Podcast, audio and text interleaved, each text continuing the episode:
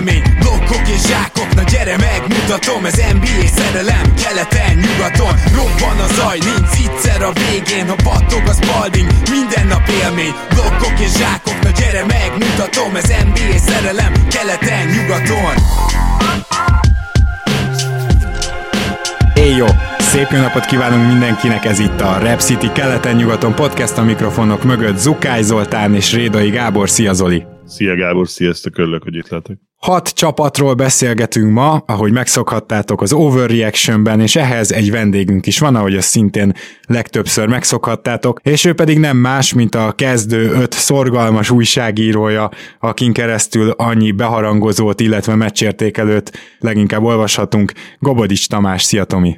Sziasztok, örülök, hogy itt lehetek, és el kell mondanom, hogy ezt a jelzőt még nem nagyon hallottam magammal kapcsolatban, úgyhogy ezt is köszönöm. Szia Tomi, én is üdvözöllek, köszönöm, hogy elfogadtad a meghívást. Örülök neki, hogy akkor én nevezhettelek először szorgalmasnak. A mai ö, csapataink között is azért lesz olyan, akit szorgalmasnak nevezhetünk, mert hogy leginkább olyan csapatokat beszélünk most át itt a playoff közelettével, akik szorgalmasan gyűjtik a győzelmeket, és ö, nagyon szeretném, hogyha azzal a Washington wizards kezdenénk, amely hát ugyan most nemrég kikapott, de előtte 8 e, ilyen duplavét sikeresen begyűjtött egy huzamban, és ezzel gyakorlatilag beszállt a már majdnem elveszett szezonból a play-in versenybe, annyira, hogy még azt sem zárhatjuk ki teljesen, hogy ha, hát ha ezt a formát fent tudják tartani, és ez a vereség csak kilengés volt, akkor akár a nyolcba is beérhetnek, és csak egy ilyen egészen szürreális statisztikával indítanám a Washingtonnal kapcsolatos beszélgetést, ez pedig az, hogy az elmúlt két hétben, amikor ugye ment ez a győzelmi sorozat, a Washington volt a number one defense az NBA-ben, és azért én nem hiszem, hogy akár csak ilyen rövid mintára két hétre is gondoltuk volna, hogy ez a Washington bármikor első tud lenni védekezésben, és szerintem ezzel jól el is indítottam azt, hogy miért is tudtak még itt a szezon végén egy ilyen sikersorozatot összehozni. Tomi? Én igazából nem is értem, hogy ez a védekezés ez honnan jött. Ugye még ezzel együtt is, a mostani időszakukkal együtt is, azt hiszem, a 21, 22, 23. hely környékén vannak védekezésben. Tehát ez mutatja, hogy honnan indultak itt a széria előtt.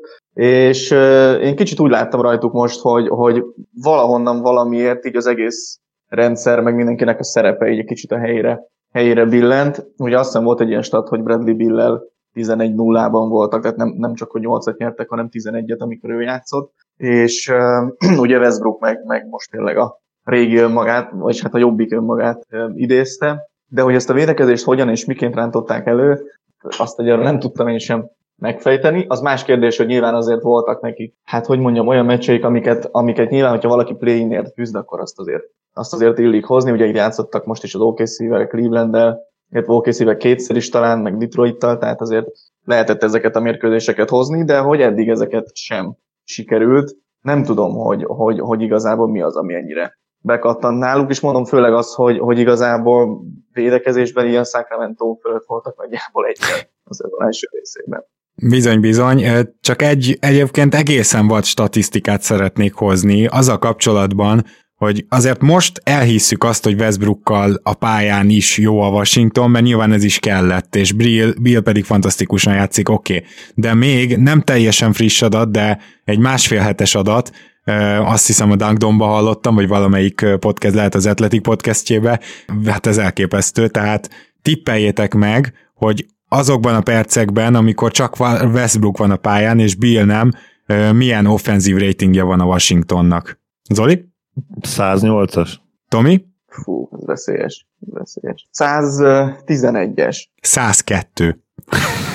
Akkor jó irányba, jó irányba mentem. Igen, igen, igen, igen, Zoli. Beugratos kérdés volt. te jó irányba mentél, 102. Én azt gondolom, hogy innentől, ha csak ezt az egy adatot megnézzük, elmondhatjuk azt, hogy nem csak, hogy Bradley Bill a legjobb játékos ennek a csapatnak, hanem Westbrook felmelkedése is ugyan szükséges, de itt a dolgok főleg Bradley Bealen állnak vagy buknak.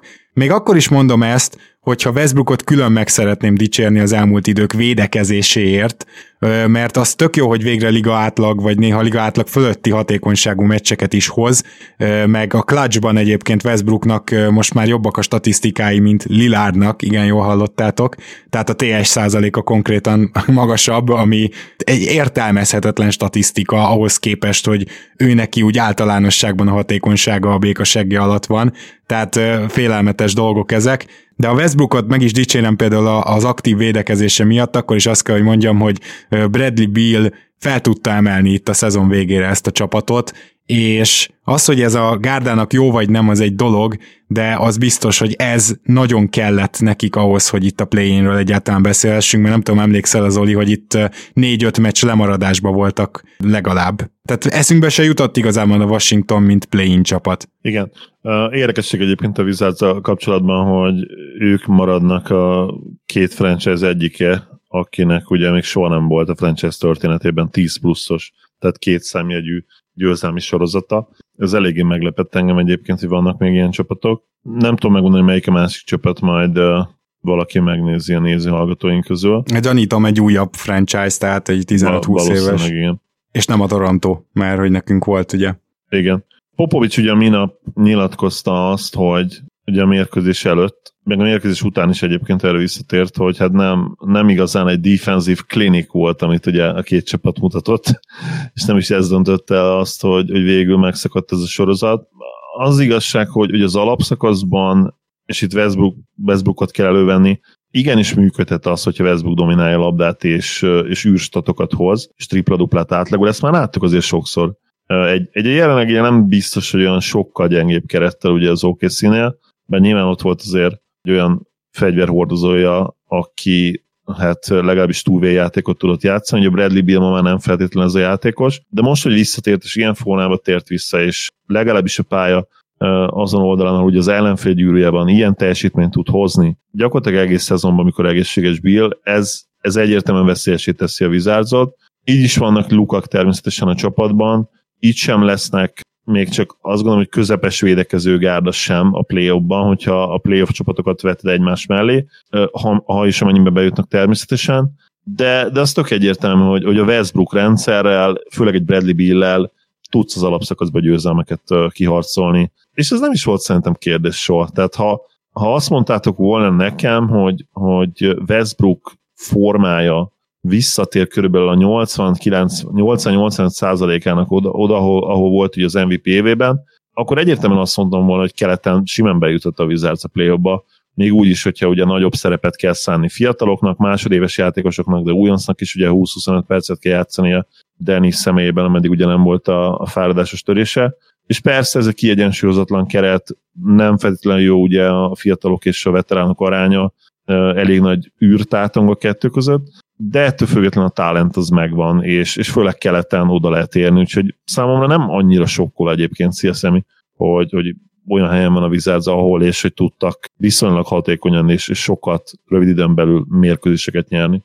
Hm? Engem egy picit talán azért lepett meg ez az egész történet, mert a Wizardsnál nem csak a védekezés volt képtelen összeállni, hanem azért nem volt az a félelmetes támadó csapat sem, mint ami mondjuk akár például a tavalyi teljesen szedetvedett Wizards volt, ugye emlékszünk Bradley Bill körül a szezon első felében, és most ebben is azért szintet tudtak lépni, úgyhogy azért az, hogy egyszerre minden összeálljon, az nem nehezen jön össze, de mindenképpen meg kell említeni a Wizards és talán egy picit Scott Brooks védelmébe is, noha őt abszolút a liga legrosszabb három egyzői között tartom számon, hogy az elején ugye volt nekik, nekik is volt egy Covid, és ráadásul Westbrook azzal a folyamatos sérüléssel játszott, azt hiszem Boka, de ebben most nem is vagyok biztos, és, és Westbrooknak tényleg a feljavulása, amikor kicsit kiült, amikor kicsit a sérülést meg, hát kúrálta, mondjuk így, tehát utána jött, úgyhogy ez a két faktor nyilván beleszámított abba, hogy ilyen tragikusan kezdtek. Tomi, most már csak azt a kérdést kell megbeszélnünk, hogy szerinted milyen úton juthat be, ha bejuthat valójában a playoffba ez a csapat? Milyen úton juthat be? Hát meg kell nyerni a hátra lévő meccseket, aztán nincs itt miről beszélni. Szerintem amúgy a play-inre átsingózó csapatok közül azért jó esélyük van. Tehát mondjuk nem akarok itt sértegetéssel kezdeni, de a Torontót nem biztos, hogy sokkal jobbnak érzem jelen pillanatban, hogyha ez a forma megmarad a Washingtonnál. De azért nem, nem tudom, tehát itt ugye elmondtátok ti is, hogy most hirtelen minden összeállt védekezés is, támadás is, Westbrook is, meg Bill is, hogy azért ezek szoktak ilyenek lenni majdnem minden csapatnál egy szezonban, és akkor ez tart, ameddig tart, van egy lendület, egy, egy, egy olyan hullám, amit kicsit meg tudnak lovagolni, aztán, hogyha abba jön valami gigszer, akkor az ugye könnyen el tud tűnni az egész, és nincs, nincs utána második hullám ebbe a történetbe. Nem tudom, tehát ezért a Wizards olyan iszonyatos tempóban játszik, ha megnézitek a pace listát, ugye ki milyen gyorsan játszik, ők nem csak hogy elsők, hanem egy kategóriával gyorsabbak. Mint a Igen, ők, ők mínusz egyedikek gyakorlatilag. Igen. És egyébként miatt tovább mondjuk tényleg Gaffordot ki kell emelni, hogyha ha van játékos, aki miatt a védekezésük fejlődött és jobb lett, az egyértelműen Daniel Gafford, akitől tényleg, hogyha azt mondtuk az előbb, illetve azt mondtad Gábor, hogy téged azért meglepett a win streak, és biztos vagyok benne, sokan vannak így, akkor Gafford teljesítménye meg aztán egyértelműen tényleg egyenesen döbbenet, mert senki az égvilágon nem számított. Szerintem arra se, hogy, hogy komoly rotációs perceket fog játszani, Persze. kapni a, a csere után, de erre, hogy, hogy gyakorlatilag tényleg egy ö, olyan jó védekezésbeli ösztönei vannak, hogy hihetetlen, és emellett tudja gyűrűt is védeni, tehát, tehát az a durva, hogy, hogy nem ész nélkül ugrik el mindenre, és közben hatékony, hatékony tud lenni, tehát charge kiharcol, nem jó lepattanozó, nem rossz egyébként, de úgy néz ki, hogy nem elit, viszont egyszerűen jó helyen van, jó időben szinte mindig, és, és pont, ez, pont egy ilyen játékos kell most egyébként center posztra ebbe a Wizardsba. És én még egy játékost hagy emeljek ki ilyen szempontból, aki szerintem nagyot fejlődött idén védekezésben, és még a szezon elejéhez képest összehasonlítva is a mostani állapottal, ez Rui Hachimura, jelenleg a, általában, hogyha szembe jön egy ilyen big wing, aki mondjuk ilyen playmaker, tehát egy, akár egy Tatum keletről mondjak egyet, akár egy Jannis, általában Hachimura fogja, és kezd beleszokni ebbe a szerepbe, messze van az elittől természetesen, de nála is nagy fejlődés figyelhető meg, úgyhogy ezek azok a apró dolgok, amikre amellett, hogy Bill fantasztikus formába került, és hogy Westbrook is kicsit mutat valamit a régiből, szüksége van a Washingtonnak, hogy, hogy így fel tudjanak emelni, emelkedni. Hát én kíváncsian várom, hogy mi lesz a következőkben. Tomi, még mintha akartál volna egy dolgot mondani. Hát már nem tudom egyébként, mit akartam közben. Ahogy hallgattalak titeket elfelejtettem, csak hogy arra akartam még kitérni itt a sebesség meg a tempó kapcsán, hogy ugye olyan, azt hiszem Steve Kerr mondta róluk, amikor, amikor őket is megverték, hogy, hogy most, most egy fokozattal mindenkinek gyorsabban játszanak, és ugye ez ilyenkor alapszakaszban, amikor két naponta kell játszani, és ha ez bírja egy csapat, akkor nyilván ezzel azért be tudja darálni a, nem a legtehetségesebb ellenfeleket, mert azért tényleg is nagy részt ilyenekkel játszottak. Úgyhogy azért annyira én még nem mondanám azt, hogy a Wizards feltétlenül playoffba fog jutni, de mondom, a play alján lévő csapatok szintjét szerintem, szerintem azért megütik. Akkor... Még, még egy utolsó gondolat Hachimuráról, hogy borzasztó április fut egyébként támadásban. Igen. Úgyhogy kell, kell is ez, hogy védekezésben oda tegye magát, mert tényleg ne, egyszer nem találja el a gyűrűt a másik oldalon és nyilván azért az is kell majd, hogy ő ebben is feljavuljon. Viszont ha már feljavulás, vagy, vagy kéne, hogy feljavuljon, akkor beszéljünk a liga elvileg legjobb csapatáról az alapszakasz alapján, Utah Jazz, és azért térünk most vissza hozzájuk, talán egy másfél hónapja beszéltünk róluk, ami nyilván már régen volt, Szóval az a helyzet, hogy minthogyha azért a jazznek a pajzsán is repedéseket kezdenénk felfedezni, ők nagyon-nagyon magabiztosan hozták, talán az első 6-7 meccsük kivételével, az összes olyan meccset, amit, amit meg kell nyerni. Tehát ebben a jazz, és általában ugye az ilyen nagyon jó alapszakasz csapatok, meg első helyezett alapszakasz csapatok általában ezt osztják, ezt a tulajdonságot, hogy a kötelezőket nagyon jól hozzák, és azért az elmúlt időkben egyrészt több apróbb sérülés is hátráltatta őket, ez ült ki, az ült ki, és Hát nyilván olyat nem mond az ember, hogy megérdemelték, vagy ilyesmi, csak arra akarom felvinni a figyelmet, hogy eddig ők elképesztően szerencsések voltak itt az egyébként sérülésektől szétszaggatott, meg Covid-tól szétszaggatott szezonban. Most őket is ez egy kicsit utolérte, illetve amikor teljes a legénység, akkor sincs akkora hát szinergia közöttük. Nem, nem érzem azt, hogy, hogy ez az ugyanaz a csapat, akit nagyon-nagyon megdicsértünk a szezon közepén. Mennyire kell szerintetek ezeknek a mostani becsúszó vereségeknek jelentőséget tulajdonítani, főleg így, hogy közeleg a playoff. Zoli? Uh, nyilván tudni kéne előre, hogy mit fognak csinálni a play tehát ha és kicsit ez ilyen gyáva válasz, de a problémák lesznek a play akkor nyilván, akkor ezek már jelei voltak annak, ami akkor jön majd, ha nem, akkor meg, akkor meg tényleg azt jelenteni valószínűleg, hogy vissza tudnak találni ahhoz, a, ahogy mondtad ezt a szép magyar szót, szinergiához, amivel a hihetetlen win streak lenyomták, amikor tényleg szinte megállíthatatlannak néztek ki, és a pálya mindkét oldalán zseniálisak voltak. Most például a, a Minnesota ellen az a védekezésbeli kihagyás hiba a végén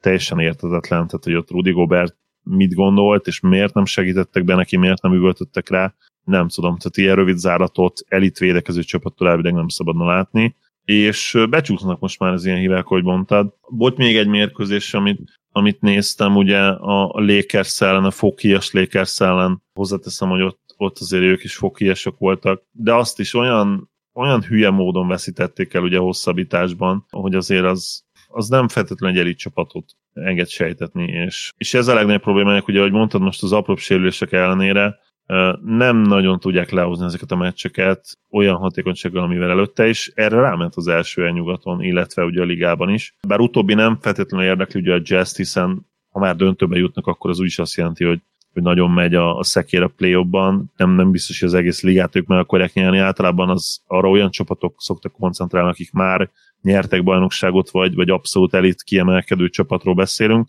jazznek erre nem kell figyelnie, de arra valószínűleg azért kéne figyelni, hogy ezt az elsőjét valahogy megtartsák, ami hát most már nincsen abszolút garantálva, ugye egy mérkőzésre van mögöttük a Suns, és kettőre a Clippers. A Nuggets előtt három meccse vannak, és a Nuggetsnek nagyon sok sérülése van, szerintem ők már nem tudják őket megszorongatni, és ugye Kawai is kiüli, szóval a Clippers is azért kérdéses, sok meccset fog kiülni ugye Kawai, de a Suns abszolút odaérhet az első helyre, és azt azért lehet, hogy el akarják kerülni a Jazz bőven benne van a pakliban. Mielőtt Tominak tovább dobnám a szót, az egyik legbrutálisabb statisztika a jazzzel kapcsolatos, hogyha a csapaton belüli plusz-minuszokat nézzük. Rudy Goberrel ez a csapat plusz 18,3-ban van, ami gyerekek, ez egy olyan űrstat, hogy a szezononként alig találunk ilyet. Tehát amikor Embiid plusz 12, meg ilyesmi, akkor így már általában mondjuk Curry plusz 12, hogy ú, igen, ezek tényleg hátán visi, ö, cipelik a csapatukat. Hát mit lehet mondani a 18,3-ra?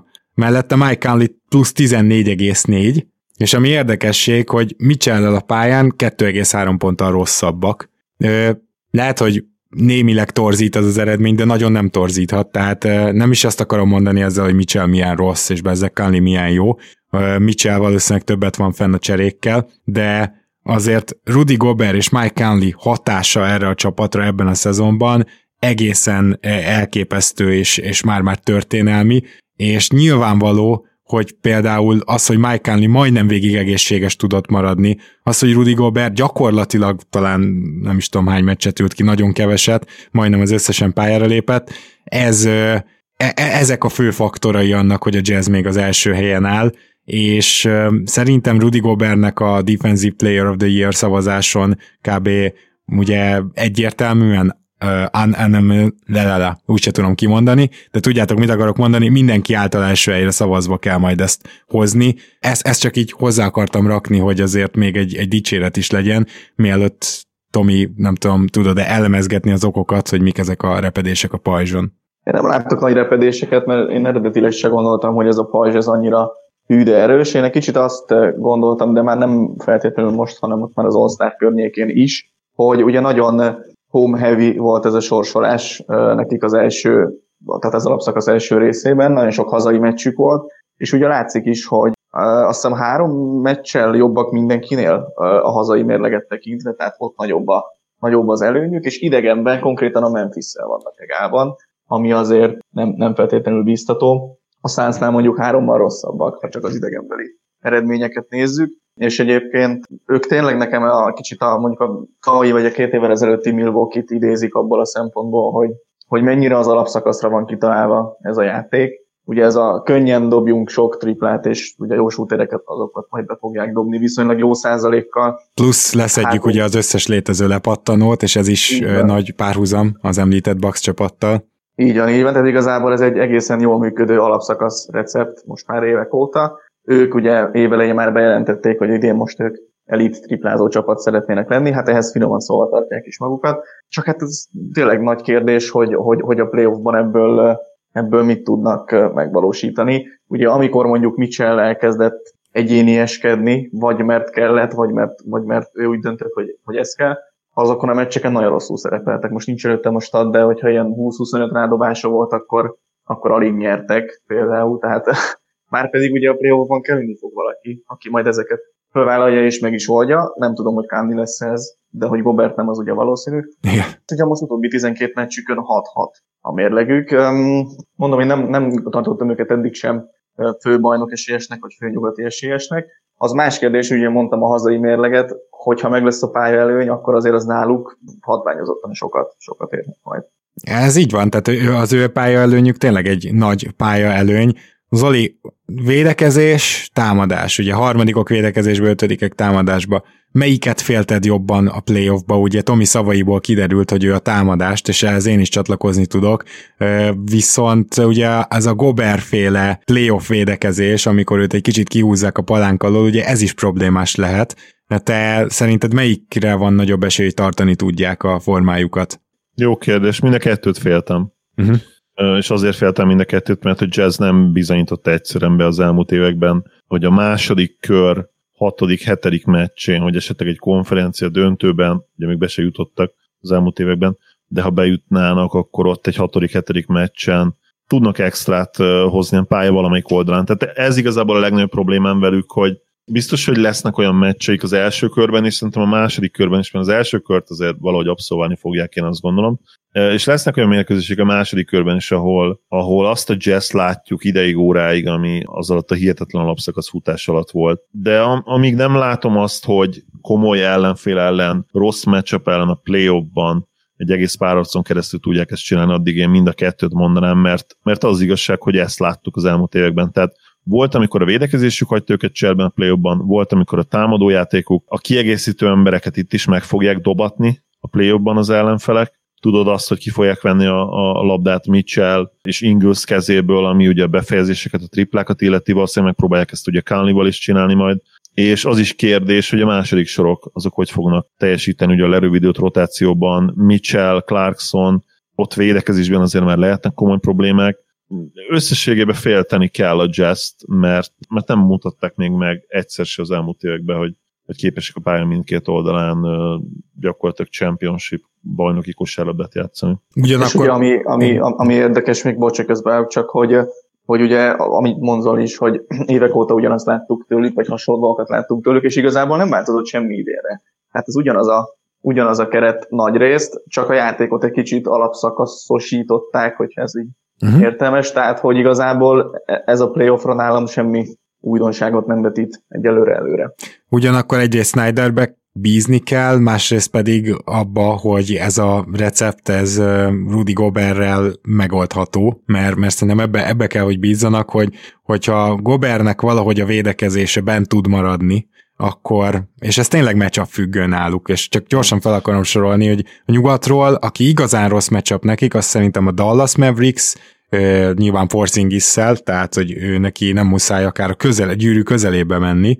Ugyanígy azt gondolom, hogy egy nem túl jó meccsap a Denver Nuggets, bár az egy elképesztő párharc lenne, és igazából a Clippers is fel tud küldeni jó pár olyan line amiben szépen dobálja a triplákat, akár Ibaka, akár mondjuk Morris, mint small ball center, úgyhogy ezeket a csapatokat emelném ki, Miközben mondjuk egy Portland, egy Memphis, akár egy Lakers, nyilván lakers erősebbnek gondoljuk, de ettől függetlenül nem rossz matchup számukra, azt gondolom összességében. Ugye sokat hasonlítják ezt a jazz a, a Beautiful Games spurs és abszolút látjuk ugye a, a hason, az összehasonlításokat. Az a probléma, hogy, hogy annak a Spursnek volt egy olyan identitása akkor már ugye az évvédője szintű kalája, aki ha emlékeztek rá, abban a play ban nyomott egy coming out party támadásban is. Bezony.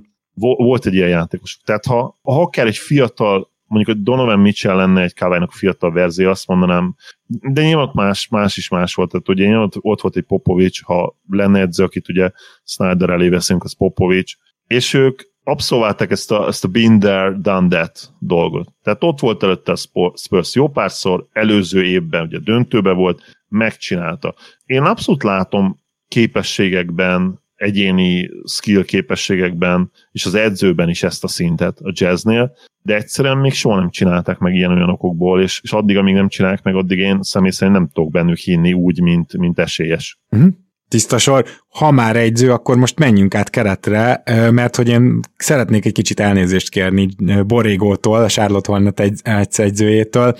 Az a helyzet, hogy ő számomra az ő munkája az semmiben nem volt markáns, viszont egy csomó dolgot nem javított ki az elején a Hornetsnél, és láttam azt is, hogy ez egy, ez egy gyenge keret, nem jól összerakott keret, és gondolom, hogy ezért is könyveltem el magamban, mint egy nem túl kreatív, kicsit, hát hogy is mondjam, beragadó egyzőt, amit idén nyújt a Hornets, azzal kapcsolatban a legnagyobb dicséretem mégis őt illeti, ugyanis valahogy ez a csapat egy közepes védekezést össze tudott hozni, amit azért, hogyha ránézel arra, hogy kik alkotják ezt a csapatot, ez egy óriási bravúr, ezt nem tudom eléggé hangsúlyozni, és még mindezek mellett támadásban gyönyörű szépen játszanak, rengeteget jár a labda, nem csak és kizárólag pick and roll alapú a támadásuk, pedig ha megnézed ugye akár Grahamet, akár Bolt, hát mind a kettő a pick and rollból él és hal, tudnak futni, annyira szép, modern támadó csapatot húzott fel ide Borrego, amelyik még védekezni is tud valamennyire,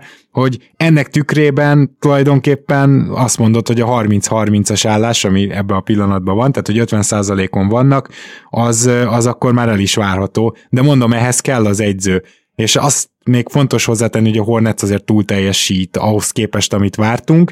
Nem annyira, mint amennyire mondjuk alul teljesít egy Boston, egy Heat, egy Raptors. Egyébként csak egy statisztika, a legtöbb clutch veresége a Bostonnak és a Raptorsnak van idén uh, holt versenyben, 22-22. Azt gondolom ez elég sok mindent elmond ennek a két csapatnak a szenvedéseiről. De szóval a Hornets nyilván nem teljesített annyival felül, mert 50% alá vártuk őket egy kicsivel, és 50%-on állnak, tehát az egy másik kérdés, hogy ezzel most playoffba lehet jutni. De a másik, ami elképesztően meglepő, hogy milyen jól átvészelték Hayward és Ball kiesését, és ez a két játékos szép lassan itt a alapszakasz végére visszatér, úgyhogy tulajdonképpen az egyik legizgalmasabb csapat a szezonban, és tényleg még egyszer megemelném a kalapomat Borrego előtt. Tomi? Ja, én csak erre a klács statisztikára kaptam fel a fejemet, hogy itt nem adnátok ilyenkor egy jó Westbrookért, de ezen most ugorjunk, szóval, hogy, hogy igen, a Charlotte-nál tényleg azt, és ugye most hétvégén úgymond a magyar nagy közönségnek is megmutatták a tévében, hogy gyönyörű dolgokat csinálnak támadásban, és ahogy mondtad, hogy nem mindig pick and roll alapú a játékuk, hát szerintem meg egyáltalán nem. Hát az, az általában már egy ilyen fáradt meccsük, vagy az a leegyszerűsített megoldás, amikor pick and roll játszanak. Egyébként rengeteg labda nélküli zárás, elmozgás, és akkor a második játékos kapja, stb. stb. Tehát nagyon-nagyon szép dolgokat tudnak csinálni. Nagyon sok olyan játék van, amit már csak egy sima zsákolással kell befejezni. És nekem az azért meglepő, hogy ezt ball kreativitása nélkül is, sőt, még majdnem, hogy jobban csinálják azóta. Úgyhogy ja, valóban le a kalapon, mert ez a játék, amit ők csinálnak, ez, ez tényleg az süt róla, hogy ez egy kitalált, megkomponált edző által összerakott játék, és nem mondjuk egy vagy két szupersztár egyéni játéka, úgyhogy úgy, igen, hát közepes hatékonyság egyelőre, de ebbe tényleg van a sok sérülés is, és a közepes védekezéssel együtt ez egy közepes mérlegre elég. De ezzel most azért be lehet jutni a playoffba, és én valamennyire azért szurkolok is egyébként, hogy, hogy ezt megoldják, és egyébként, hogyha Hayward is Ball is visszatér, akkor azért ellenük nem lesz könnyű játszani akárkinek. Uh-huh. Zoli, egyáltalán mit gondolunk a playoff esélyeiről ennek a csapatnak? Attól függ nyilván, hogy előre tudnak-e menni. Tehát play-inben nem lennék maga biztos, de hozzáteszem, hogy ez mindenkire igaz. Tehát, hogyha az egyébként playoff readynek, vagy, vagy playoff csapatnak, egyenesen playoff csapatnak gondolt Miami Heatről is ugyanezt mondom, tehát egy-két mérkőzésen bárki kikaphat, úgyhogy, úgyhogy itt is kicsit egy gyáva választ kell mondanom, és, és ha, ha előre tudnak menni a hatodik helyen, akkor nagyon jó, jó akkor a playoff esélyeik illetően nagyon magabiztos lennék, mert ugye ez azt jelenti, hogy legalább egy kört játszhatnak. Na igen. Jobban.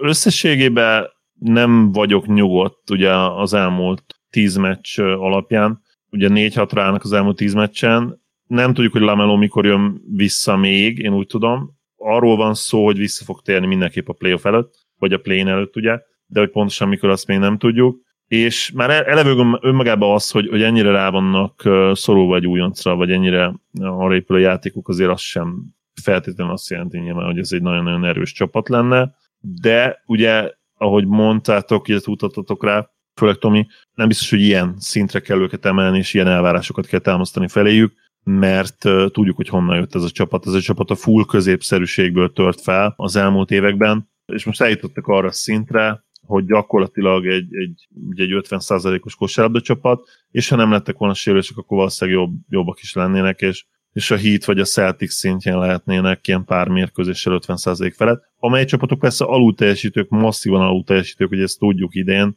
de, de ettől függetlenül a sárotnak ez egy nagyon-nagyon jó szint lenne, és oda, oda aspirálhatnak, én azt gondolom, de, de teljesen kiszámíthatatlan, mit fognak csinálni a play vagy a, vagy a play-inben, simán benne van az is, hogy összeomlás, és, és kiderül, hogy nem oda valók, úgyhogy minden esetre egyértelmű, hogy, hogy Borégó minden dicséretet megérdemel tőlünk, és kicsit revidiálnunk kell az álláspontunkat vele kapcsolatban, mert nagyon-nagyon jó munkát végzett, és, és főleg team chemistry, csapatkémia terén ért el, én azt gondolom sikereket, és, és tényleg, amikor nézted a Charlotte meccsét idén, ugye a Lameló miatt nekem elég sűrűn előfordult, akkor azt láttad, hogy mindenki mosolygott, mindenki hajtott, a hustle az végig ott volt, és nem csak az a Bridges, akire egyébként az jellemző, de ugye őt is ki kell emelni, főleg ugye hihetetlen zsákolásai miatt, amiket mostanában bemutat, egészen elképesztő. Igen, de szerencsére azért ő sem csak egy zsákoló játékos, még akkor is, hogyha nem mondanám kiemelkedő kezdőszintű játékosnak jelenleg az NBA-ben, de, de ígéretes azért. Bridges is, és hát nem csak ő, tehát itt azért Róziét ugye már korábban megdicsértük, most nem ismételném meg magam, illetve az is nagyon érdekes, hogy gyakorlatilag center nélkül tolják le ezt az idényt, tehát se Zelle, se Biombo nem jelent ott igazi megoldást, de ahogy már korábban is mondtam, Washington sokszor igen, tehát és nekem PJ Washington játéka kifejezetten tetszik. Szeretem azt, hogy ő 4-es 5-ös poszton is bevethető, és mind a kettőn használható, nem nincs kárára a csapatának, mert kevés ilyen big man van egyébként az NBA-ben, aki mind a két poszton hasznos tud lenni, azt így sokszor elfelejtjük, és még annyit szerettem volna mondani, hogy Vernon Carney Jr., ha jól mondom a nevét, ő is pályára lépett végre, ugye egy ilyen old school center, akit a Hornetses magyar szurkolók nagyon-nagyon hiányoltak, na most már ő is kapott bizonyítási lehetőséget, és nyilvánvaló, hogy ezt a center posztot kell majd jövőre legközelebb upgrade-elni ennek a Hornetsnek, hogyha majd nagyobb tervei lesznek, de tényleg jó őket nézni, vannak fiatal tehetségeik, ahogy Zoli mondta, a középszerből kitörnek, és nem az 50%-os mérlegük miatt, hanem ezek miatt, amiket most mondtam. Még, még annyit tényleg, hogy amiatt ugye Hayward kiesett április elején az Otto Bridges valóban, ahogy mondtad, Gábor, sokkal több, mint egy, mint egy atléta. Gyakorlatilag borderline all számokat hoz, és még valamilyen szinten Hayward playmakingjét is tudja pótolni. Nyilván nem azon a szinten, mint Hayward, mert Hayward gyakorlatilag hát majd, hogy nem irányító szinten passzolgat, de Bridgesnek is vannak ilyen 3-4 asszisztos meccsei, amióta nagyobb usage játszik, és borzasztóan jól dob áprilisban. Hét kísérlet mellett 47%-kal, a mezőnyből pedig 52%-kal, és még a büntető vonal is viszonylag hatékonyan majdnem háromszor tud állni, ott is majdnem 80%-kal tüzel, és ráadásul ugye berak egy blokkot és egy stílt a közösbe, amit, amit hát minden igazi jó védőről azért el kell, hogy tudjunk mondani. Nagyon-nagyon felnőtt a feladathoz így 23 évesen, felveti a lehetőségét annak, hogy, hogy esetleg jövőre egy még nagyobb szerepbe lássuk őt. Akkor most menjünk át nyugatra, ahol már vár ránk a Memphis Grizzlies, és Hát ugye tudjátok, hogy a második kedvenc csapatom, tényleg az összes mérkőzésüket nézzem, bár most a két Denver és egy Dallas elleni miatt szerintem most Zoli is sokat látta őket, és ha nem tévedek, Zolinak is pozitív a benyomása annak ellenére, hogy ez három vereség volt. Minden esetre azzal kezdeném a Memphisnél, hogy ha van egy másik olyan csapat, akit így imádsz nézni, akit így nagyon jól nézni, és igazi csapatmunka az, ami a pályán folyik, és ahol szintén az egyzőt kell nagyon megdicsérnünk, Jenkins-t, az pont a Memphis Grizzlies, ahol van egy talán egyértelműbb kiemelkedő sztárjelölt, vagy szupersztárjelölt, ahogy mostanában játszik a legutóbbi pár meccsen Jamorant, és most például elkezdett megjönni a triplája, nem nagyon tudják megállítani őszintén szólva. Azok az atletikus léjapok, amiket felrak, tehát nem akarom igazából layupnak vagy zicsernek nevezni őket, hanem, hanem nem is tudom minek lehetne. Gyakorlatilag az ember az felugrik elképesztően magasra, ütközik a, a centerrel, aki gyakorlatilag leblokkolja, de ő a blokkból kiveszi a labdát, és mikor lefele esik, akkor még valahogy bedobja. És ez ilyen meccsenként négyszer előfordul, és szerintem több mint 50%-os hatékonysággal dobja ezeket. Olyan ö, megoldásai vannak Jamorantnak, hogy emiatt önmagában egy ilyen kötelező League Pass csapata a Grizzlies, de ettől függetlenül is nagyon szépen járatják a labdát, rengeteg karakter van ebben a csapatban, ugye Slow-Mo Anderson például abszolút életeszezonját futja, az Detto életeszezonját futja, Grayson ellen Detto, tehát DeAndre Melton szintén, nagyon-nagyon sokan léptek fel erre az évre a Memphis Grizzliesnél, és még csak most ért vissza az egyelőre kicsit rozsdás Jalen Jackson Jr., úgyhogy nagyon hasonlóakat tudok elmondani róluk, mint a Hornetsről. Biztató jövőkép, és szerintem playoff csapat lesz az idén. Annak ellenére mondom, hogy nagyon közel van hozzájuk a Golden State is, és a Spurs is, de tegyük hozzá azt is, hogy a Portland formáját látva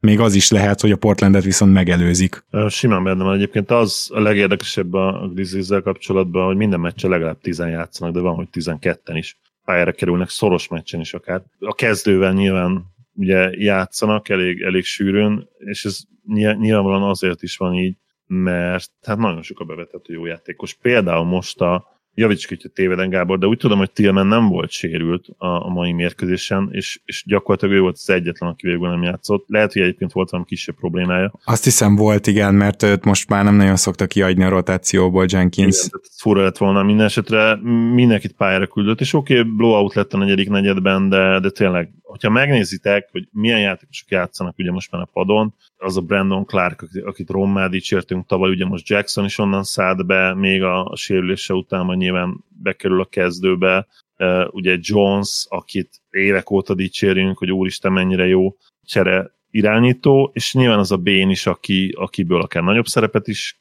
kinézünk, és ugye felvet esetleg cserét is, hogy Brooks mondjuk értékre váltani. Az idén 45%-kal triplázó Melton. Így van, Melton, aki, aki szintén, most nem volt jó meccs a Nuggets ellen, de egyébként brutálisan jó kiegészítő ember, és ez a kulcs egyébként, hogy a, hogy a Grizzliesnek nagyon-nagyon sok jó kiegészítő embere van, kicsit Nuggets elszólás volt, bár a Nuggetsnek lenne ennyi jó kiegészítő embere, mert uh, egy mai mérkőzésen is vicces volt egyébként, hogy már be kell rakni egy ilyen dóziért a kezdőbe, és, és tényleg 30 percet kell játszatni. Annyira nincsen mostanában szerencséje a, a sérülésekkel a, a Denvernek. De a Grizzlies pedig, és ugye úgy tetted fel a kérdést, úgy kezdted el, hogy, hogy jövőben mit várunk tőlük, én abszolút azt, hogy stabil playoff csapat lesznek innen most már. Nem feltétlenül idén még, mert nyilván play ahogy mondtam az előbb, az szerintem egy kicsit ilyen pénzfeldobás, de, de jövőre ott lesznek azért stabilan, és akár már a hatodik, ötödik helyet is megtámadhatják. Hozzáteszem azt, hogy Morant nekem azért kicsit csalódás, tehát most nagyon jól játszik ugye áprilisban, de ugye egyébként, ha a szezon, az egész szezonra nézzük, nem fejlődött annyit, mint amit én előzetesen vártam volna tőle a tavalyi év alapján. Tomi, te mennyire nézed a Grizzlies meccseit, illetve miket vettél észre? amikor utoljára itt voltam, akkor is a Grizzliesről kellett beszélni, és akkor is mondtam, hogy őket nem annyira nézem, de azóta egyébként többször is láttam őket azért.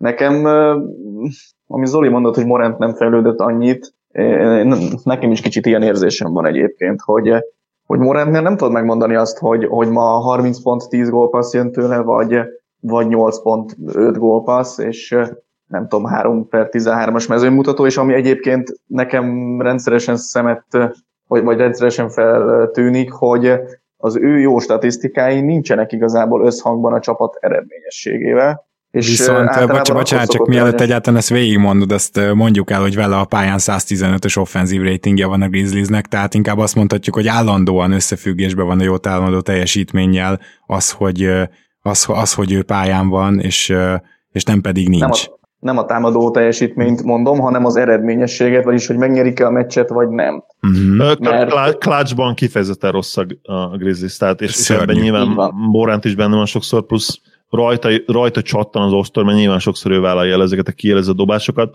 amiben se, se ő nem jó, még se a csapat. Így van, ugye Morant nem tudja megoldani azt, hogy, hogy mondjuk egy pull-up tempóval befejezi a támadást, de én csak azt akartam mondani különben, hogy, hogy megverik a Filit mondjuk, és Moren 8 pontot dob, megverik a Miami-t, és 10 pontot dob, aztán nem tudom, kikapnak, most itt görgetem magam előtt, kikapnak a Knicks-től, és ott tud dobni mondjuk 26-ot, és általában így jönnek össze neki a statisztikái. Most a Portland ugye volt két fantasztikus meccs, ezt nem lehet tőle elvenni, de nekem egy kicsit olyan, hogy, hogy ő is kicsit ilyen alapszakaszosabb játékos egyelőre, és ott ezek még nagyjából beleférhetnek, de, de neki azért van, van még ebbe egy-két lépcsőfok, vagy kell, hogy legyen. Azt mondjuk hozzá kell tenni, hogy az előző öt meccsén 26 pont és 8 gólpassz az átlaga, és akkor erre mondom azt, hogy oké, okay, csak 2-3-at hoztak belőle. És ugye azt a két Portlandit nyerték meg, úgyhogy kicsit-kicsit ez nekem még így felemás velük kapcsolatban, de, de az, az tény, hogy egyébként, ahogy mondtátok is, annyi jó kiegészítő emberük van, hogy igazából nem is feltétlenül kell neki minden estén 25 pontokat dobálgatnia, csak amikor azt mondjuk, hogy ki a vezére ennek a csapatnak, akkor egy picit stabilabb teljesítményt várnék.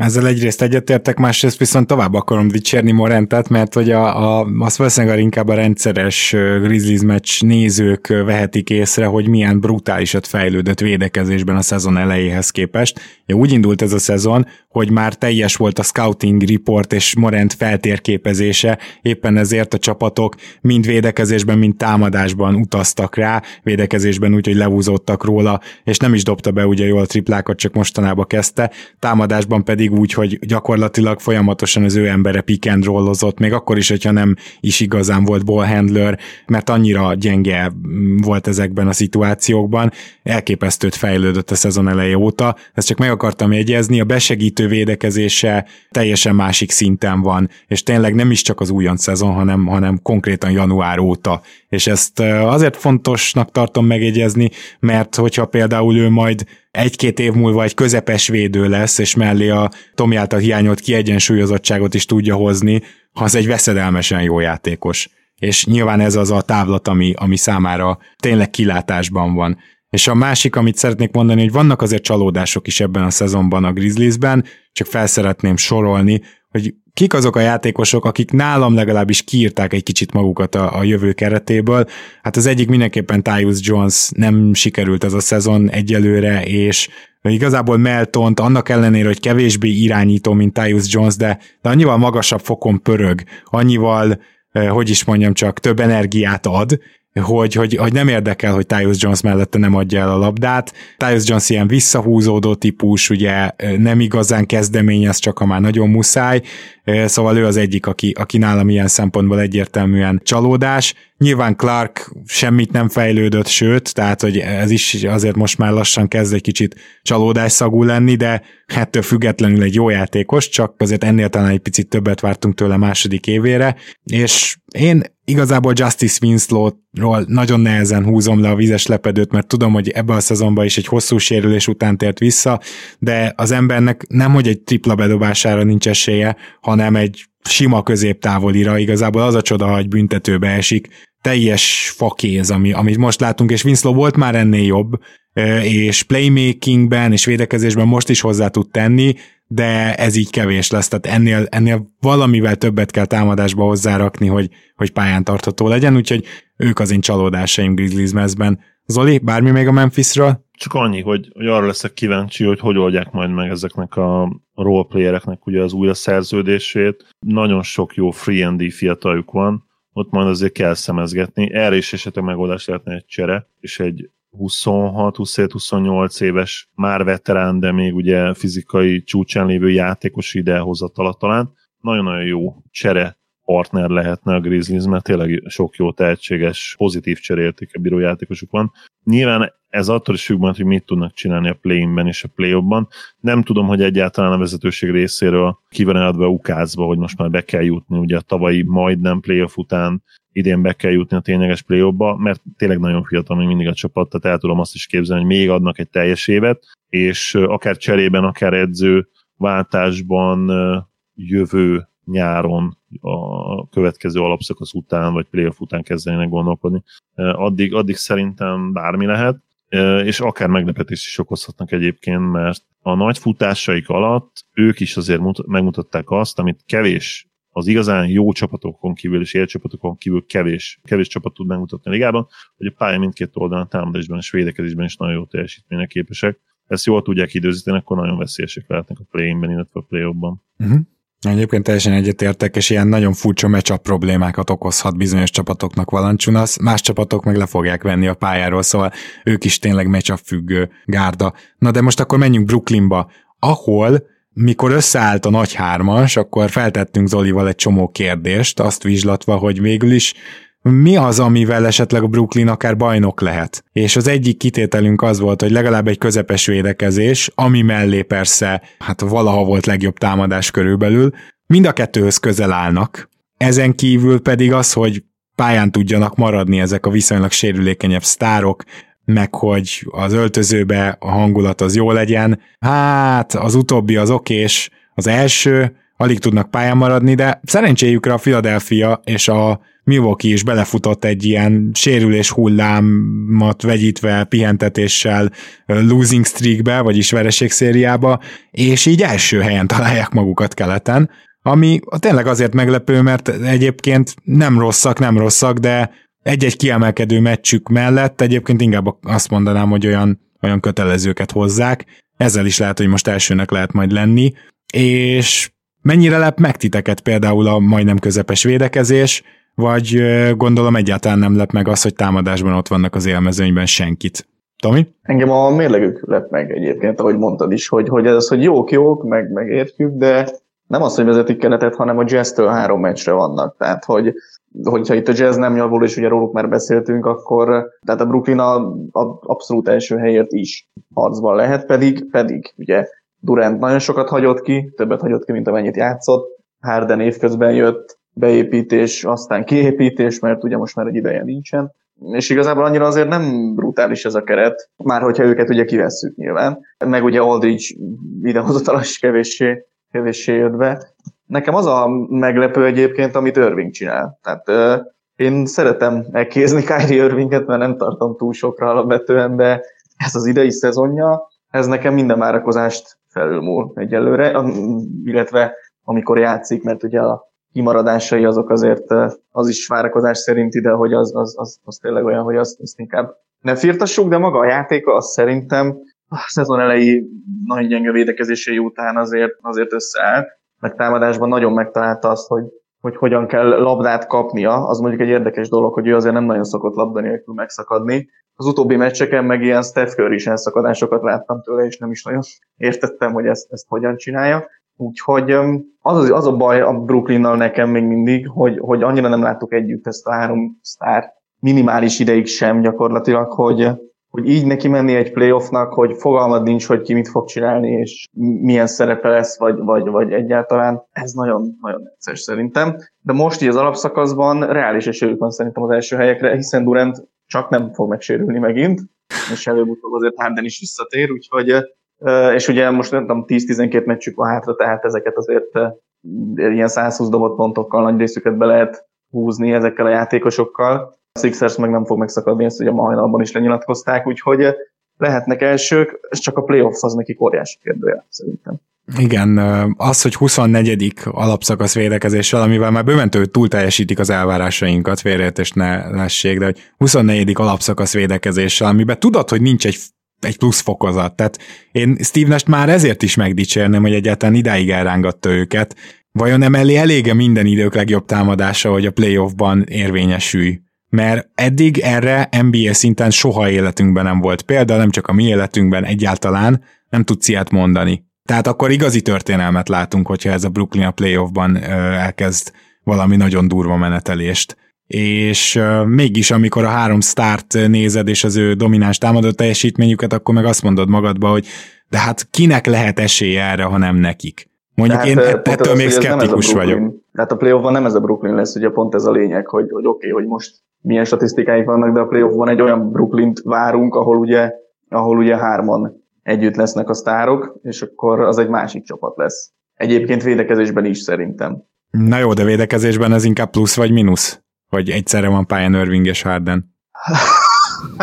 Már Igen, érted? Hát ez... Tehát, hogy az akkor inkább egy másik csapat, még ennél is rosszabb védőcsapat, nem? Így van, így van. Nem, de oké, nem azt mondtam, hogy jobb az Jó, igen, igen. csak egy másik csapat lesz, mint amelyikről most beszélünk, hogy hát igen, egy átlagos védekezés, és egyébként úgy elsők támadásban, hogy azért csak kicsit elsők, tehát a Clippers nagyon ott van rajtuk. Sőt, ugye itt Harden kidőlése volt, azt hiszem, hogy a Clippers az első. Igen. Azóta csökken köztük a távolság. De hogy nem tudjuk igazából azt se, hogy ez a történelmi támadójáték, ez ugye reális lehet-e a rájátszásban, mert, mert hogy nem láttuk őket együtt. Tehát ezt úgy feltételezzük, hogy amúgy persze playoff performerek is vannak ebben a csapatban, meg elvileg minden adott, de aztán, hogy ez, ez ki fog-e jönni gyakorlatilag, nem tudom, néhány edzőmeccs, mert ez igazából az lesz nekik, tehát néhány edzőmeccs után, az, az óriási rejtély. Zoli, milyen következtetést lehet levonni egy olyan alapszakaszból, ahol a három legjobb játékost egyszerre körülbelül öt meccsen látjuk? A Brooklyn számon bemutatta, sőt bebizonyította azt, hogy ha legalább kettő játszik a, a Big Free-ből, akkor gyakorlatilag bármilyen, bármelyik alapszakasz, bár, alapszakasz meccset bárhol megnyerhetik. De lehet, hogy itt ha ez lett volna az állításom, állításunk, akkor azzal még talán egyet is értettél volna, Gábor. Nyilván a, a, a kérdőjelednek a, a nagyobbik része, tehát mondjuk a ponton kívül, ami a pont felett van, az a playoffra vonatkozik, és a kis pont volt maximum az alapszakasszal kapcsolatban. Ugye ezt látjuk, hogy így is gyakorlatilag, ha nem is nyerik meg keletet, de ott lesznek simán a top 3-ba, úgyhogy összesen hárman, nem tudom, kiültek, vagy 60 meccset minimum ugye a három sztárról beszélek. Az tök egyértelmű, és ez talán nem is, tényleg nem is volt kérdés benned se, Gábor, hogy, hogy megállíthatatlanok támadásban, amikor ezek játszanak együtt. És, és abszolút ezt vártuk. A, a kérdés az valóban a, a védekezésük, hogy azzal mit tudnak kezdeni, hogy az lehet-e annyira jó, hogy ebben a modern érában a, a playoffban egy, egy konferencia elődöntőben és egy konferencia döntőben is, is borzasztó nehéz legyen őket megverni, mert ha ők őket borzasztó nehéz megverni ezeken a nagy meccseken, akkor ott tényleg kivet az, hogy három sztárod van a pályán, akikből ráadásul kettő nagyon-nagyon clutch, és, és borzasztó nehéz egyet egybe megállítani, de igazából az utóbbi már mind a háromra igaz. Úgyhogy uh, én azt mondanám, hogy, hogy egyértelmű contenderök még mindig, valószínűleg még mindig nem értesz egyet ezzel. Hát se én, se Tomi valószínűleg, igen. De nálam egyértelmű contenderek, és, és azért egyértelmű contenderek, mert nem nyugaton játszanak. Mm. Ha nyugaton játszanának, akkor, akkor megváltoztattam ezt, de amit látunk idén kelettől, egyszerűen nem látok olyan gárdát, és ez még a Philadelphia Sixers vagy a bucks is igaz, amely Bucksnál egyébként valamilyen szinten feláldozták azt az, ezt az alapszakaszt arra, hogy esetleg sokoldalú csapat lehessenek a play és erről lehetne egy külön adást is, ennek lehetne külön adást is szentelni, de ennek ellenére nem érzem azt bennük, hogy, hogy egyértelműen dominálni tudjanak a, a 2 játékukkal. Tehát, hogy legyen annyival jobb a védekezés, mint amennyivel nem rosszabbak a, a Brooklyn támadó játékánál, és ezt nem látom garantálva. Plusz a, a bírókon is óriási nyomás lesz az, hogy gyakorlatilag két MVP, és, és, egy, és egy majdnem MVP szinten képesnek játszani, mindegy, ezt értitek? Értjük, igen. Egy majdnem MVP szinten játszani képes játékos csak sikerült, is ott lesz, és mondom, ez hatalmas nyomást fog a bírókra helyezni. És pont egy ilyen évben, amikor van a Covid, és, és bár lesz hazai pálya most már, és talán nézők is lesznek itt, ott ugye most már vannak nézők, teljesen más, más a játék, más a kosárlabda, hogyha vannak nézők. Ennek ellenére szerintem egy ilyen évben még pont odaérhetnek akár ezzel a védekezéssel is. És én a net ratinget egyébként tudjátok, hogy szeretem nézni, net rating szempontjából azért majdnem elérik ezt az ötös szintet, ami, ami úgy általában ott kezdődnek az ilyen igazi bajnoki címre törő csapatok, ugye ötnél, úgyhogy, és úgy, hogy, nagyon sok meccset kértük a legjobbik, úgyhogy szerintem abszolút van esély. Tomi, meg bármilyen egyszer kapcsolatban? Egy Troy Brown dicséret, vagy Landry Semé, tripla zuhatag megemlítés? Ezt meghagyom neked inkább, hogy ezeket, ezeket méltasd. Én azért általában azt szoktam nézni, hogy kik azok az egy-két ember, aki a playoffban is biztos, hogy kulcsfaktor tud lenni a sztárok mellett, és mondjuk semmi lehet ilyen egyébként de azért Claxton figyelgettem, hogy, hogy, hogy vele mi lesz, meg hogy ő pályán tartható-e, vagy ő lesz-e.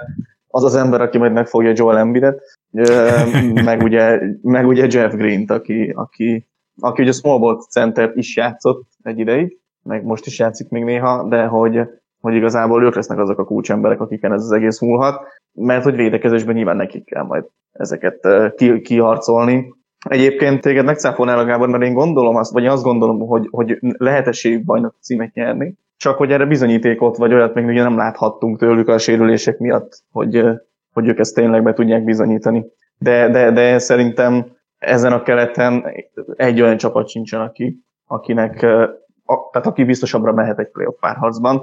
Hiába van Simons, meg akárki mondjuk a Sixersben, ezeket az embereket ők se tudják megfogni. Tehát. Uh-huh. Jó van, én továbbra is tartom, bár ha első lesz a Brooklyn, akkor már a második körös jóslatom az ugrott, mert nyilván azért itt a Fili meg a Bucks az, aki reálisan megállíthatja őket, az továbbra, akkor azt tartom, hogy akár a Fili, akár a Bucks meg fogja őket verni a playoffban, és akkor menjünk utolsó csapatunkhoz a Minnesota Timberwolveshoz nyugat aljára, ahol valami fény látszik az alagút végén. Jött egy új egyző, Edwards feltámadásáról már beszéltünk, most visszajött D'Angelo Russell is, és gyakorlatilag amikor mindenki a fedélzeten van, akkor képtelenek kikapni, ami egyébként most nem jön jól, mert neki top 3 védett a pikjük, tehát minél jobb esélyt kellene szerezni arra, hogy a top 3-ba végezzenek, de ettől függetlenül mindenképpen biztató jelek mutatkoznak most a Timberwolvesnál, és hát ezt valljuk be, hogy nem gondoltuk volna, ugye Zoli? Abszolút nem, és nyilván azért sem, mert arra gondoltunk, illetve azt szerettük volna nekik, ami, ami jó lenne, az pedig ugye az, hogy veszítsenek minél több mérkőzést, és most így is ott vannak még ugye a második legtöbb elveszített mérkőzéssel, de nagyon közel van most már a Magic és a Pistons is, főleg az előbbi, aki hatalmas veszélyt jelent, mert a Pistons még időnként úgy néz ki, hogy akar meccseket nyerni, a, a Magic már abszolút nem, tehát Igen. teljes mértékben letettek erről a dologról. A Pistonsban van az a fiatal talent, ugye ő épp a minap dicsértük a Rookie Watchnál több játékosukat is, talán hármat is, de kettőt mindenképp. Hát elég katasztrofális lehet ugye a Timberwolvesnak a, a szezonja, hogyha kiesnek a legrosszabb négyből. Hát sőt, elég a, a legrosszabb háromból ugye a pik miatt. A legrosszabb háromból, igen. Nyilván akkor sincs garancia, ugye tudjuk, nagyobb esély van rá százalékosan, hogy elveszítik a piket akkor is, hogyha a lehető legrosszabb mérlege végeznek, de ettől függetlenül azért jó lenne kimaxolni az esélyeiket. Amit fontosnak tartok elmondani, hogy, hogy Rikit továbbra is sajnálom, hogy egy ilyen gyenge csapatba kell játszania. Annyi év után, amikor playoff csapatokban volt, én nagyon sajnálom, hogy, hogy ebben a minnesota kell idén játszani, mert tényleg lenne vagy 20-22 csapat, aki tudná használni a rotációban, alsó hangon is, de lehet, hogy 25. Towns, Towns annyira jó nézi támadásba tényleg, és, és hogyha elfelejted azt, hogy egyébként úgy igazán még az NBA-ben nem mutatta meg, hogy tud nyerni, és tud vezér lenni, akkor mondom az egyik legdominánsabb támadójátékost látod, és, és ez mind néző abszolút kielégítő is lehet. russell soha nem fogom megszeretni, valószínűleg ő mindig az általam, ha nem is utált, de legalábbis negatívan nézett, negatívan kezelt játékosok között fog maradni. Akkor egyelőre nem győz meg itt a formája visszatérése óta, mert szerintem most jobban játszik, mint akár az egész Golden State évében bármikor, akár a minnesotai ténykedése alatt bármikor. Nézd, az tök jó, hogy, hogy ezt a padról jövők dolgot is, és ugye, ahogy mondani szokták kint, embracing-elte, és az mindenképpen tetszik, hogy, hogy, a, hogy nyilván ez volt ugye a kérdőjeles nálam mindig, hogy, hogy mentálisan fejben mennyire van ott, és mennyire tud igazán csapatember lenni. Alapvetően azért egy önző játékosról beszélünk. Nyilván a jazz most egy szenzációs meccs volt, hogy megnéztem az összefoglalót külön a Condensed League Pass-en, tehát a meccs tömörített összefoglalóját, és természetesen megnéztem külön Russell összefoglalóját is, hiszen azért ez egy ilyen 27-12-es meccs, az, az gyakorlatilag neki a szezon highlightja lesz. És egy ilyen elit csapat ellen elérni ezt azért ez, ez brutálisan jó de ennek ellenére nem tudok lelkesedni azért, amit csinál, még akkor sem, hogyha igen, nál is meg kell említeni, az április az, az, az rettentően jó, és kipihentent ért vissza a sérülésből. Tomi, én majd még nagyon szeretnék persze Jaden McDanielsről beszélni, ha már kihagytuk a Rookie Watchból, és még ezt fel is rótták nekünk teljes joggal, de azért gondolom neked is van egy-két megfigyelésedet a megtátosodó Minnesota-ról. Hát először is én is azt figyeltem meg, hogy most hülyeséget célnak azzal, hogy elkezdtek nyerni, de egyébként a, amilyen szörnyű hangulata volt az egész szezonjuknak, azért szerintem nem árt nekik némi sikerélmény, meg legalább kicsit azt érezzék, hogy, hogy tudnak ők nyerni, főleg egy ilyen jazz ellen most ez, ez pláne. És volt egy ilyen statisztika, hogy amikor Russell és Towns egyszerre játszik, akkor ugye 8-6-ra állnak, nem is lenne az egy olyan rossz, rossz alap mondjuk, csak hogy Russell nem játszott ebben a szezonban nagyon sokat és ugye azt az utolsó 15 meccsükből hetet nyertek, vagy valami ilyesmi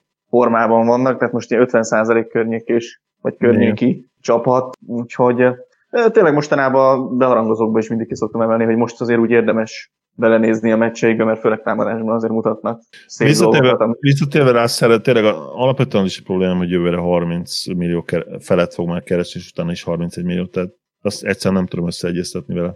Miközben Ja, lehet, hogy a legjobb szerepe ez, amiben most van, nem srácok? Tehát le- lehet, hogy ez, hogy a padról jön, jó, azért persze 12 asszisztot nem a padról osztott ki, hanem érezzük, hogy ez igazából egy kezdő szerep, de azért minél többet játszik a, a pad ellen, hogy egyre kevésbé érvényesüljön a rossz védekezése, és akkor dobálja a pontokat, illetve csinálja a spacinget, mert ugye ő off the ball is tud játszani.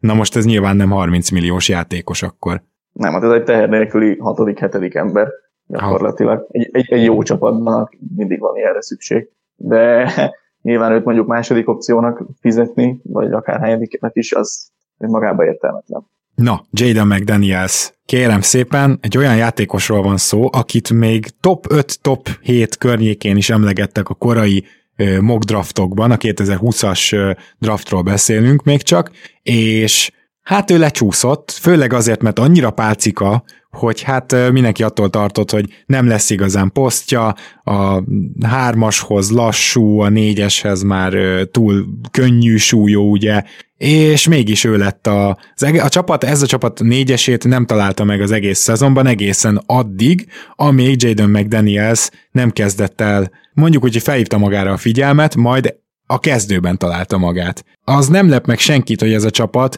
Carl Anthony towns a pályán 7,8 7,9 ponttal jobb, mint amikor nincs a, a pályán, de a második legjobb ilyen szempontból az bizony McDaniels, ő 4,1 ponttal jobbak vele a pályán, mint nélküle.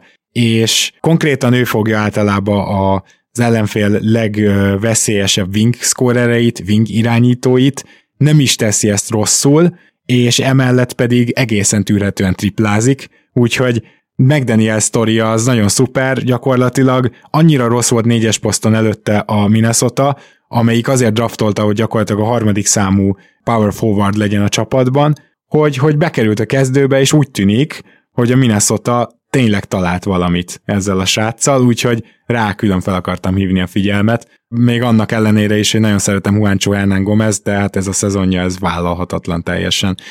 Zoli? Ha, ha emlékeztek rá az ő profiára még a tavalyi évből, azt kellett mondani, hogy nem várta senki, hogy ennyire jó védő, védő legyen belőle, és ilyen hamar, de azt is hozzá kell tenni, hogy volt például egy konkrét meccs, nézzétek meg annak az összefoglalóját, amit a, Hawaii ellen játszották, a Hawaii University ellen, és ott mutatta meg azt, hogy amellett, hogy ugye blokkokra is képes, nagyon jó agya van a játékhoz. És amikor olvastunk róla, vagy olvasunk róla, mint védőről, hogy, hogy milyen evolúció ment át az NBA-ben, vagy főleg inkább a potenciáljáról egyéb, mert hogy még most is az az izgalmasabb, mint a mostani teljesítménye. Persze. Sokkal izgalmasabb a potenciál mostani teljesítménye, akkor, akkor egyetemen ez jön át, hogy, hogy egy nagyon sok oldalú védő lehet belőle. És ugye tudjuk azt, hogy, hogy egyre kevésbé számít a súly az NBA-ben. Főleg olyan típusú védekezés, amit ma elvárnak, hiszen ma nem kell leizmoznod, leütköznöd az ellenfeleket feltétlenül, mert nem is az a hatékony, és nem is akarnak feltétlenül az ellenfelek, ugye nem is akarják magukat beizmozni a festékbe, de ha jön egy nagyobb, nálad nagyobb, erősebb játékos, akkor meg kell próbálnod lábbal előtte maradni, és, és ugye kiharcolni a támadó hibát, és ebben is egyébként nem meglepő módon jó McDaniels, feláldozza úgymond a testét, ahogy mondani szokták, és hát basszus, isteni adottságai vannak tényleg, tehát a, nem tűnt annyira gyorsnak, és nem is mondanám rá azt, hogy nagyon robbanékony, de az oldalirányú mozgása szerintem nagyon rendben van egy 6-9-es játékoshoz képest. Uh-huh. Nem labdaigényes abszolút, nem csinál hülyeségeket a pályán. Szép nagy karfesztáv. Így van, ami ugye nagyon fontos, és tényleg gyakorlatilag azt megmutatja, hogy miért gondoltak, ugye, ugye a Washingtonban játszott, miért gondolták azt, hogy komoly védekező potenciálja lehet.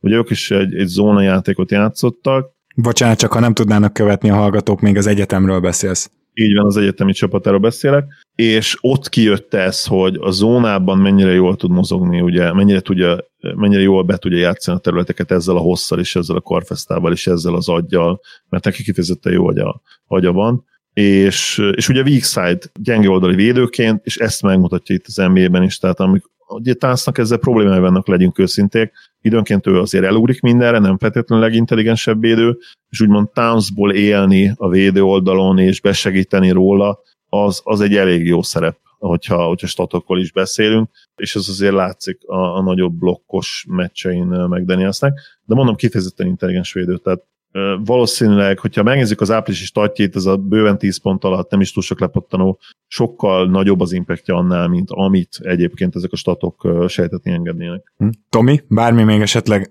a minnesota kapcsolatban, Chris Flinch például szerinted marad egyző? Mert szerintem biztos ezek után. Szerintem is egyébként, most ezek után nagy hülyeség lenne kirúgni, vagy legalábbis kicsit megmagyarázhatatlan lenne, hogy, hogy kinevezed szezon közben, mert hogy ő a te embered, aztán jó is lesz vele a csapat, meg tényleg még ilyen, ami most talán fontosabb, ilyen fejlődéseket látni fiataloknál, legalább egynél, vagy kettőnél, és ezután meg kirúgott, tehát szerintem biztos, hogy marad edző. Az, hogy hosszabb távon mi tud ebből kihozni, azzal azért én még várnék, de egyelőre átmegy a vizsgán nálam.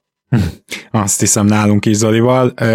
Gobadis Tamás, nagyon szépen köszönjük, hogy eljöttél ma, és hogy kicsit hozzátettél ehhez a bizonyos elmélkedéshez itt a hat csapatunkról. Én köszönöm, hogy itt lehettem. Sziasztok! Én is köszönöm, hogy itt voltál, Tomi, szia! Zoli, mi pedig hát száguldunk a playoff felé, úgyhogy lassan majd egy-két ilyen felvezető badás is előkerül, meg szerintem lehet, hogy most megpróbálunk egy kicsit hamarabb elbúcsúzni a már biztos kiesőktől, mert itt a play miatt az utolsó pillanatban kellene öt nap alatt öt adást lenyomni, úgyhogy Úgyhogy ez, ez is majd hamarosan érkezik. Addig is nagyon szépen köszönöm, hogy ma is itt voltál. Örülök, hogy itt lettem. Szia Gábor, sziasztok! Kedves hallgatók, nektek pedig a figyelmet köszönjük, a Patreonos támogatást köszönjük, az üzeneteket, és egyébként akár Patreonon, akár Facebookon nyugodtan lehet minket kérdezni. Köszi szépen még egyszer, és tartsatok velünk a továbbiakban is. Sziasztok!